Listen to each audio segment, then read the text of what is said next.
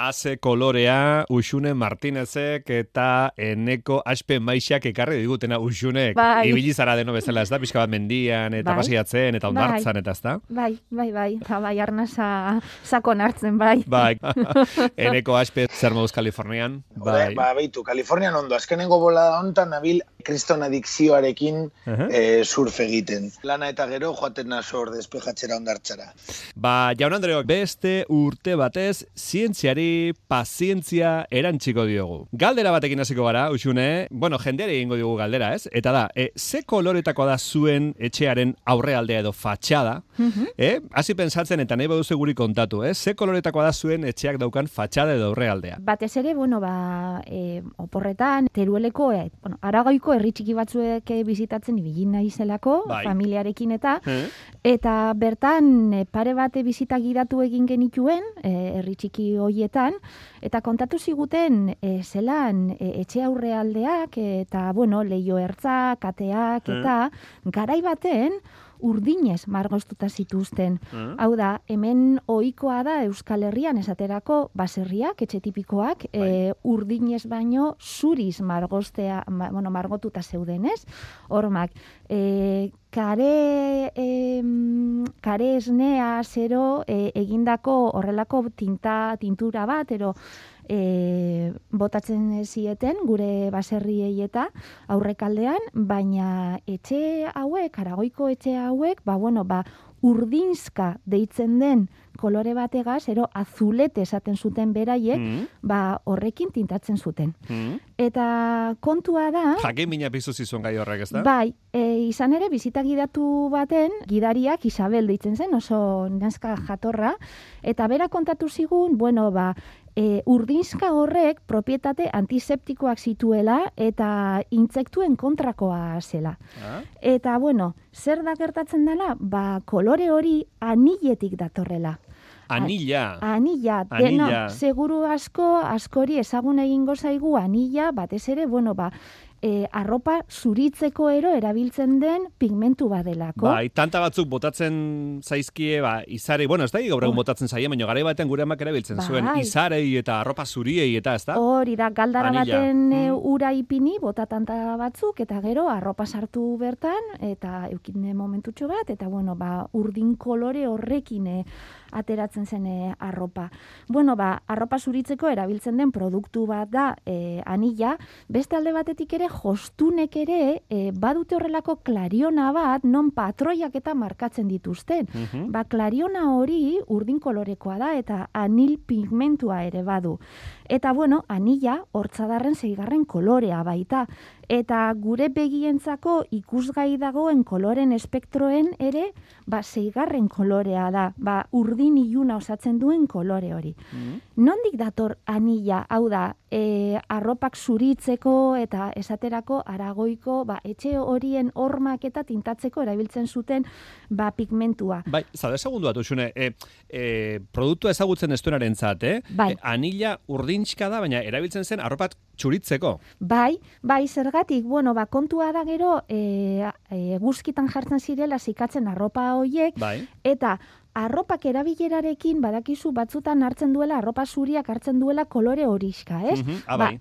anilak egiten duena da, estali egiten du horiska hori. Ah. Eta behin, e, eguzkitan jartzen zikatzerakoan, bueno, ba, hori, e, urdinak egiten duena da, horiska hori, estaliz gain, ur, e, zuritu. Hau da, Zuritu. zuritu egiten du. Mhm. Eta horretara, horregatik Horregatik zen. erabiltzen zen, urdinak eh, horiska hori edo beste kolore horiska hori eguzkiak Hori ematen diona estali egiten zuelako. Hori da. Ah, ados, Hori da. Mhm. Bueno, ba, nondik ataratzen da pigmentu hori, ba, anilla izatez, anilla bera, e, zuaizka bada. Mhm. Eta papilionazioen familiako, e, familiako zuaizka bada. E, familia hau da, e, bueno, landare batzuk dira lekadunak direnak, e, babarrunen aideak ere badira, ez? Eta, bueno, ba, lekak izateaz gain, lorak ere badituzte tximeleta itxurakoak.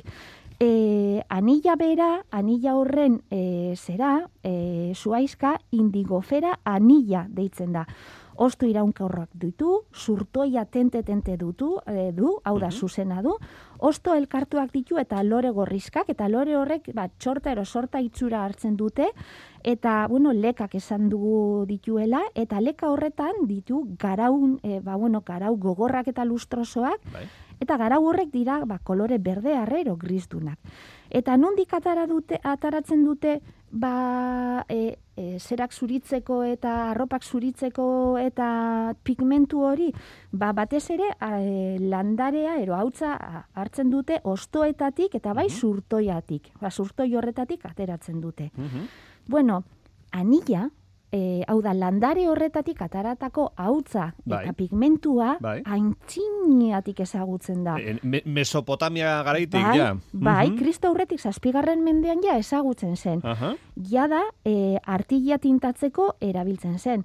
Erromatarrek medikuntzan eta kosmetikan erabiltzen zuten. Mhm. Eta badaude arrastoak non Egiptoko momia batzuk aurkitu dituzte, ba, anilez tintatutako eunekin estalita egon direla. Begira. Bueno, zer dala eta, ba, anilak badituelako e, propietate batzuk, ba, karearen antzerakoak, hau da, antiseptikoa da, eta e, ba, eltsoei eta somorroei eta e, horrek usatzeko eta horren kontrako ere propietateak baditu. Lehen, lehen esan duzu, hemen basarrietan eta usadioa zen, ez dakite zenbatero, baina em, hormak eta paretak, e, karez, e, margotzen ziren, Bai. eta horre balio zuen, garri, jakina, txukuntzeko eta garbitzeko, baina desinfektatzeko ere, bai, ez da? Hori da, Mhm. e, kontua da, e, bai anillak eta e, kareak ere antzera egiten du, esetasuna zurgatu egiten du, eta badakizue somorroak, eta bueno, ba, horrelako onjoak, eta esetasunarekin bat, ba, hormetan itzali egiten diren horrelako mikroorganismoak, e, ba, e, esetasuna maite dutela. Orduan, kareak eta nilak egiten dutena da, zurgatu egiten dute e, esetasun hori, eta beraz mikroorganismoak hilarazi, ero, bueno, ba, Mhm. ukat, ba, akatu egiten dituzte. Horregatik erabiltzen zen. Normalean, e, bueno, e, antza, e, urtean behin ero margosten ziren normak, e, ero zuritu egiten Mhm, ziren zuritu, e, bai. Mhm. hormak. E, bueno, ba, anila hau, Amerikan eta Asian du jatorria, eta e, Espainiara nork ekarri zuen, bu- beste hainbat gauza bezala, ba, arabiarrek, Arabiarrek. arabiarrek ekarri zuten. Gero Espainiarrek bota egin zituzten arabiarrek, Bai, que, bueno, bai. gauza asko ekarri zituzten. Hori da, eta izena ere anila arabiar jatorriko ba, izena da. Mhm. Zer gertatzen da? Bueno, ba, zuk esan duzun moduan, eh, arabiarrak bota zituztenean ero, batzuk hemen bertan gelditu ziren, Mhm. baina e, e, kristautasunera ero, ba, konbertitu, ero, bueno, Mhm. kristau bihurtu behar izan ziren. E, teruel inguruan eta aragoien hainbat gelditu ziren, Bai. hori- horiei morisko ero deitzen zieten, Ah. Eta lan egin zuten e, eraikuntzan, e, eraikuntzak, ba, etxeak, eleizak batez ere egiten, Bai. dorreak eta hori. Mhm. Eta beraiek erabiltzen zuten anila, Anila. hormak eta margotzeko. Eta orduan, hor hasi ziren, ba, etxeetan eta e, margosten. Zer dela eta karea oso arriskutsua da. Kare bizia erabiltzen zuten. Eta karea e, ugaria bada ere, e, bere eraustea, karea harritik eraustea, gero, karea hormetan eta erabiltzeko, hau da, margosteko eta erabiltzeko, Mhm. prozesuan nahiko e, garestia zan, e, bakarrik erabili, ba, bueno, labe handiak behar zi- ziren, e, temperatura altuetan eta, Ze karobiak. Bai, eta osasunerako e, arriskutsua, Arriskutsua. Ah, zan. Ja, ja, ja. Beraz, arabiarrek erabiltzen zuten anila, propietate antzekoak zituztelako, Bai. zuelako anilak, eta askoz merkeago zelako, eta Mhm. bueno, merkataritzari eskerreta eurek ezagutzen zutelako. Ah, mhm. Bueno, ba, horregatik eh, hasi ziren margosten urdinez eh, hormak ba, horrelako zonaldeetan, olako errisketan, eta Bai. oso kuriosoa da, zeren, eh, esaterako teruel inguruan, amazazpigarren mendean, amazazpigarren eta amazortzigarren mendean, behartuta zau, zeuden horrela margotze, ba, margotzeko etxeak. Ah, Hau da, anillas margotu behar zuten, Ba, zer batengatik, eh, ai, zelan esaten da, Bai. bueno, esan da, dekretua ero, Ah, bai. zazo horretako behartuta zeuden horrela bai, ordenantzak zeuden, Mhm. herrietan, non herritarrak behartu egiten zituzten, ba, urtean behin, ba, kolore horrekin eta produktu horrekin eh, margotzera etxeak, ba, saiesteko batez ere hori, infekzioak, Infekzioak, guztiak, Bai, ez? Bai, bai, Mhm. bai. Eta, bueno, e, gero oso gauza kuriosoa da, galdu eginda, baina hainbat herrietan, esaterako murtze ingurukoan, bai Mhm. teruelen, bai e, zerean, e, herriosan eta Bai. arrastoak daude historian non e, jaiak egiten ziren e, an, anila, anilale, ai, Jesus, esango dut. Anilla, bai. Anilalekin, ero urdizkarekin, ez? Ero anil hautzarekin. Aha. Badakizu dagoela e, jai bat esaten dena tomatina. Ah, bai, tomatina, tomatina bai, ez? dakizu Bai. guztiak tomateak elkarri bota Elkarri eta hor dizkiote, zipristindu eta bai. hori.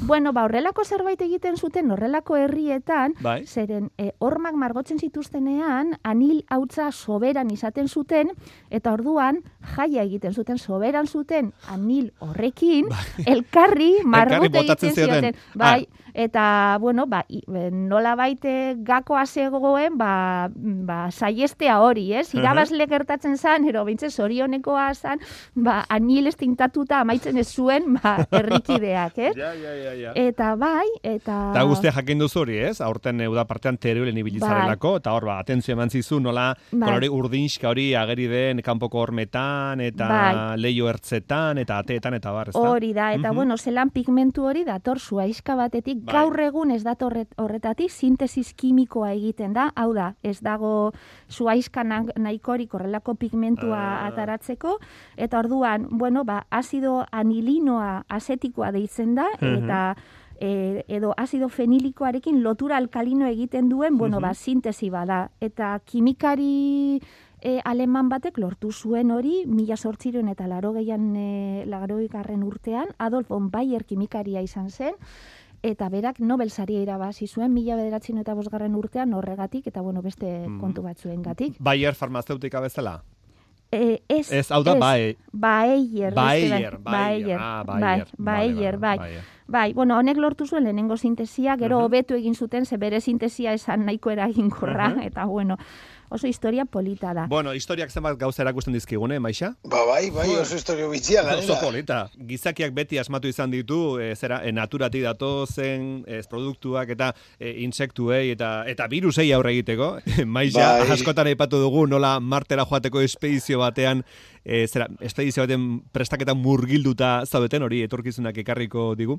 Marte baino urrunago daude beste planeta batzuk, eta adibidez, bederatzigarren planeta, e, garai batean ikasi genuen Pluton zela, ez da, bederatzigarrena. Aha. Bai, ez da, uixun horrela ikasi zenuen zuk? Bai, bai, Ezta? bai. Bai, eta gaur egun zein da bederatzigarren planeta, Maixa? Ba, bueno, orain dela gitxi, erabaki zen e, gure eguzki sisteman sortzi planeta zirela eta ez bederatzi, ba, ze Pluton e, erabaki zen e, ba, esela planeta, e, ordea nano planeta bada, edo, edo planeta txiki bat, kontua da, ba, bai dela egia, ba, ba, bueno, ba, nola baiteko orbita bat duela eguzkiaren inguruan, baina kontua da, e, planeta bat izateko, eguzki sistemako planeta bat izateko, ere bai bete behar duela, ba, nik esaten duen bezala, auzoa libre euki. Mhm. Eta ordea, e, Plutonek, ba, e, ez, bere auzoa ez dauka nahiko libre, adibidez, ba, Neptunoko orbita gurutzatzen du. Eta, bueno, ba, horregatik, erabaki zen orain dela urte batzuk, Pluton ez zela eguzki sistemako planeta bat, Mhm. baizik eta nanoplaneta bat, baina kontua da, eta benetan superinteresgarria dela, Bai. e, nik e, e, jarraitzen dut gai hau oso gertuki, 2006 garren urtean, e, kaltek, kaltek da e, e, instituto bat, hemen e, Kalifornian dagoena, e, unibertsitate bat oso oso prestigiotsua, batez ere astrofizikan. Mhm. Esate baterako, e, pasaren urtean, e, ba, e, bertan ikasi zuen Andrea Getz, e, kalteken ikasi zuen Andrea Getzek lortu zuen Nobel saria, e, astrofizika, bueno, fizikan, baino astrofizikako e, ikerlan bategatik. Aha. Beno, ba, kontua da, e, atera zutela e, estudio bat, ikerlan bat, Mm. 2006an esanez behar bada bazegoela bederatzigarren planeta bat. Eta beno, liatu zena izan zen izugarria base, pilo bat astronomo agertu ziren esanez astakeria, astakeria bat zela, e, zuela zentzurik eta bar, beste batzuk ordea esan zuten baietz, ba, beaketei jarraituz izan leike bederatzi garren planeta bat egotea, eta bar, beno ba, Eta gu bitartean Eh, lola sai egiten genuen, eh? Bai, bai, bai, lasai asko. Astrofizikariak ez da bida zutxuetan ari ziren bitartean. Bai. Bai. Pero ba, kontua da, eh, bi astrofizikari hauek, kaltekeko bi astrofizikari hauek, Michael Brown eta Konstantin Batgin, atera dutela, eh, justo hilabete honetan, ikerlan berri bat, Mm? eh, esanez, eh, ba, 2008 garren urteko ikerlan horretan eh, hitz egiten zuten planeta horri buruz, eh, izan leikela, edo, edo froga gehiago dituztela, esateko existitzen dela. Oraindik ez da ikusi, baina esan dute non ikusi daiteken existitzen badan. Kontua da, Neptunos aratago, Mm. dago leku bat, deitzen dena e, kuiperren e, gerrikoa. Mhm. Eta bakarrik dira, e, nola baiteko e, e, gorpuz, gorputz e, izostu batzuk, hor Mhm. e, e, tal, talde baten moduan, Mm. baina kontua da, zelan e, sortu duten talde hoiek, gorputz izostu hauek, oso arraroa da. Oso forma arraro batean Mhm. e, e, egin dute taldea. Eta e, esplikatu daiteke bederatzi garren planeta batekin, e, eguzkiaren inguruan orbitatzen duen bederatzi garren planeta batekin, gorpuzku edo gorputz hoien e, taldea esplikatu daiteke, ez, esaten baden, planeta bat dagoela. Mm. Beno, ba, kontua da, egin dituztela kalkulo batzuk, eta esan dute e, bakarrik e, dagoela e, probabilitate bat euneko 0,laua e, talde hori osatzeko era e, goazen esatera koinzidentzia baten ostean. Beraz, esan dute, uste dugu hemen bederatzi garren planeta bat egon daitekela. Eta esan dute Eta non be, ikusi. bederatzi garren planeta hori ez da Pluton, beste gauza bada? Ez, ez, Pluton ez da. Pluton ja erabaki zen, eh, ez Ez zela, dela, izango vale. zen, eh, bedera, zerbait. bederatzi garren planeta bat, eh, Mhm. momentuz ezagutzen ez duguna. Eta kontua da, eh, urren urtean edo urren urteetan 2008 irun, Mm. eh, Txilen, Txilen zabalduko dela eh, ba, munduko teleskopiorik onena. Mhm. Eta ematen du teleskopio horrekin eh, behar bada, eta existitzen bada beratzi garren planeta hau ikusi izango algo, alko dugula, edo 2023 ez. edo behitu, Hemen ez dago ezer. Base, astrofizika dekon honena da, eh, normalean, gauzak ikusi aldirela edo gitxienez eh, seinale batzuk Bai. batzuk jarraituz esan daiteke gauza bat badagoen edo ez. Aha. Baina oron, orain borborrean dago astronomoen artean e, debatea, eztabaida eta benetan polita dela. Beraz, Bederatzi garren planetari jarraituko buruz, eh? dugu, Vale. jarraituko Hau da, momentuz dakigu, eh, ne- sortzi planeta daudela. Bai. E, sortzi planeta daudela gure eguzki sisteman dakigu, Bai. hori ziur gaude, Merkur, e, joango gara esaten eguzkitik e, urrunera. Merkurio, Artizarra, Lurra, Marte, Jupiter, Saturno, Urano, Neptuno, eta em, eman daiteke bedatzi garren planeta misteriotsu bat Vale. egoteare bai, eta Ah, gertutik Hau da, Netflixeko telesail bat baino interesgarriagoa, eh, Maixa. Ez que, nik oso gertutik jarraitzen dut, baina egia esango dizu zergaitik dagoen eztabaidagatik, Bai. eh?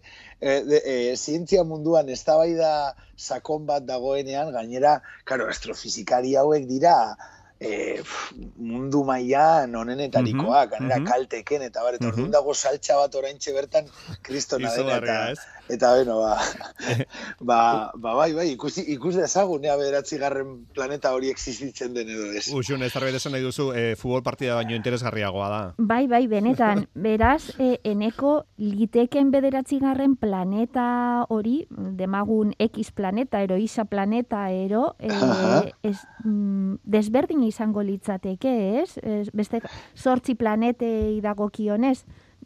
Ez, e, esaten ari dira, e, izango zela e, e, gaz planeta bat, eta esaten dute antzekoena gure eguzki sisteman izango zela Neptuno. Neptuno. Baina ez da, ez da arroka, ez da Ja. guazen esatera Marte bezala edo gure planeta Mhm, bezala. vale, izango vale. zen e, e, ga- gaz planeta bat, Bueno. guazen esatera. Desberdinago. joango gara, eh, atalez atal, eh, zera, eh, bederatzi garren planeta honi buruzko xetasun guztiak eh, zuei azaltzen eh, jakin bezain pronto. Maixa usune, beste denboraldi bat eh, abiatu dugu, eh, oparoa izango da, ez daukat inolako zalantzarik. Ondon dibili. Bezarka handi bat ekipo, agur agur.